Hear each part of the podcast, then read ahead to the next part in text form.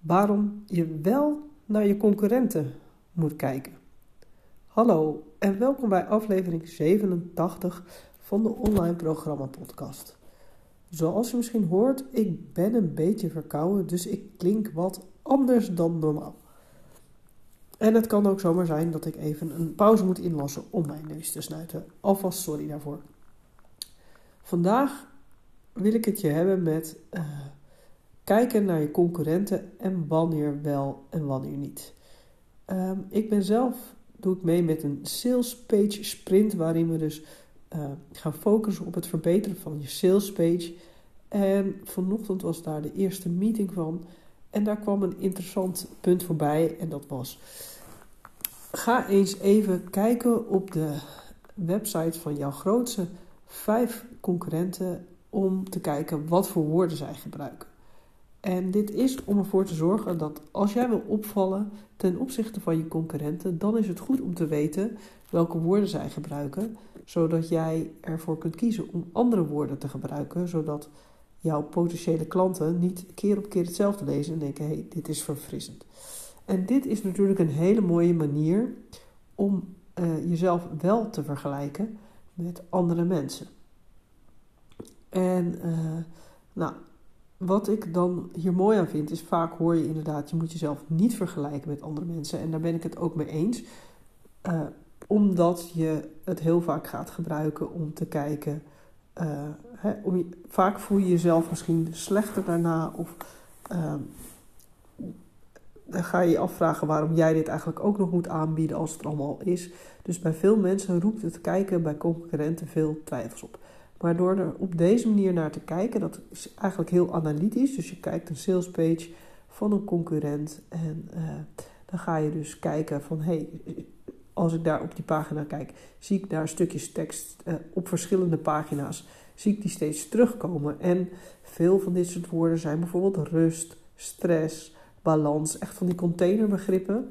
En zeker als die in jouw markt veel gebruikt worden, dan uh, ja, stel dat jouw potentiële klant al een keer nee heeft gezegd tegen die woorden bij een concurrent en die leest ze bij jou, dan is de kans klein dat ze dan bij jou ja zeggen.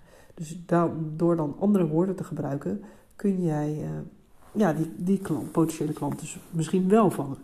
Nou, en dat vind ik dus wel echt een mooie tip om uh, jezelf te gaan vergelijken. Nou, een van de dingen die ik uh, die leuk was in een groep, we deden dit met een groep via Zoom online. En er was één iemand die ging bij haar concurrent kijken en die zag dat die concurrent die vroeg voor een vergelijkbaar uh, gesprek. Dus dat was eigenlijk gewoon een één op één gesprek. En die vroeg een prijs die tien keer zo hoog lag als die van haar. Dus zij zei, oh, dit is ook interessant. Uh, misschien kan ik wat aan mijn prijzen doen. Dus zij werd daar juist niet onzeker van, maar liet zich erdoor stimuleren uh, om te kijken van, hé, hey, blijkbaar kun je ook zo'n soort bedrag voor, voor een één op één gesprek vragen. Dus dat gaf haar juist een mooi inzicht in plaats van dat ze er onzeker van werd. En uh, wat gebeurde er bij mezelf? Nou, ik, ik ja, vind altijd dat ik moeilijk om te kiezen wie mijn concurrenten zijn. Maar ze nodigt je ook om groots te denken. En ja, ik wil hem met jou ervoor zorgen dat je business een volgende stap maakt. En hoewel ik mijzelf dus niet zie als business coach, uh, maar meer als iemand die jou helpt die stappen te zetten. En een coach helpt je vaak tot inzichten, maar ja, dan moet je het werk nog doen. En ik help je dat werk te doen. Um, ging ik toch bij business coaches kijken als concurrenten, omdat uh, mijn klanten mij waarschijnlijk wel vergelijken met een business coach. Want ja, of ze investeren in een business coach of ze investeren in mij. Vaak. Of ze kunnen in allebei doen, maar uh, die mensen ja, die nemen snel, snel die beslissingen. En daar, hoef ik dus, hè, die hoef je, daar hoef je niet voor te concurreren met iemand anders.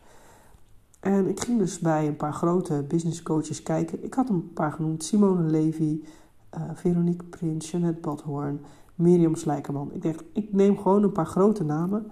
Maar ja, die mensen kennen dit trucje van uh, dat je je moet onderscheiden in de markt prima.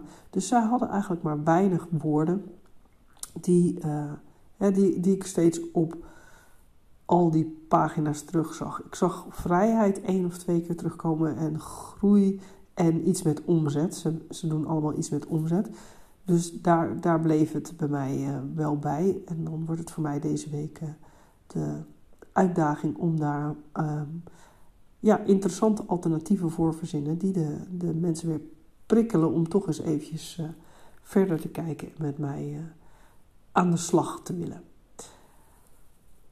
Dus ja, in sommige gevallen is het dus heel goed om naar je concurrenten te kijken.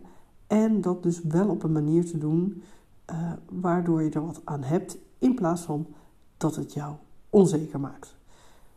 Nou, vanwege mijn uh, stem die toch niet helemaal lekker uh, voelt en klinkt, ga ik het hier vandaag bij laten. En ik hoop dat je wat kunt met deze tip. En dan wil ik je voor vandaag vooral bedanken dat je geluisterd hebt naar mijn podcast. En zeg ik tot de volgende podcast.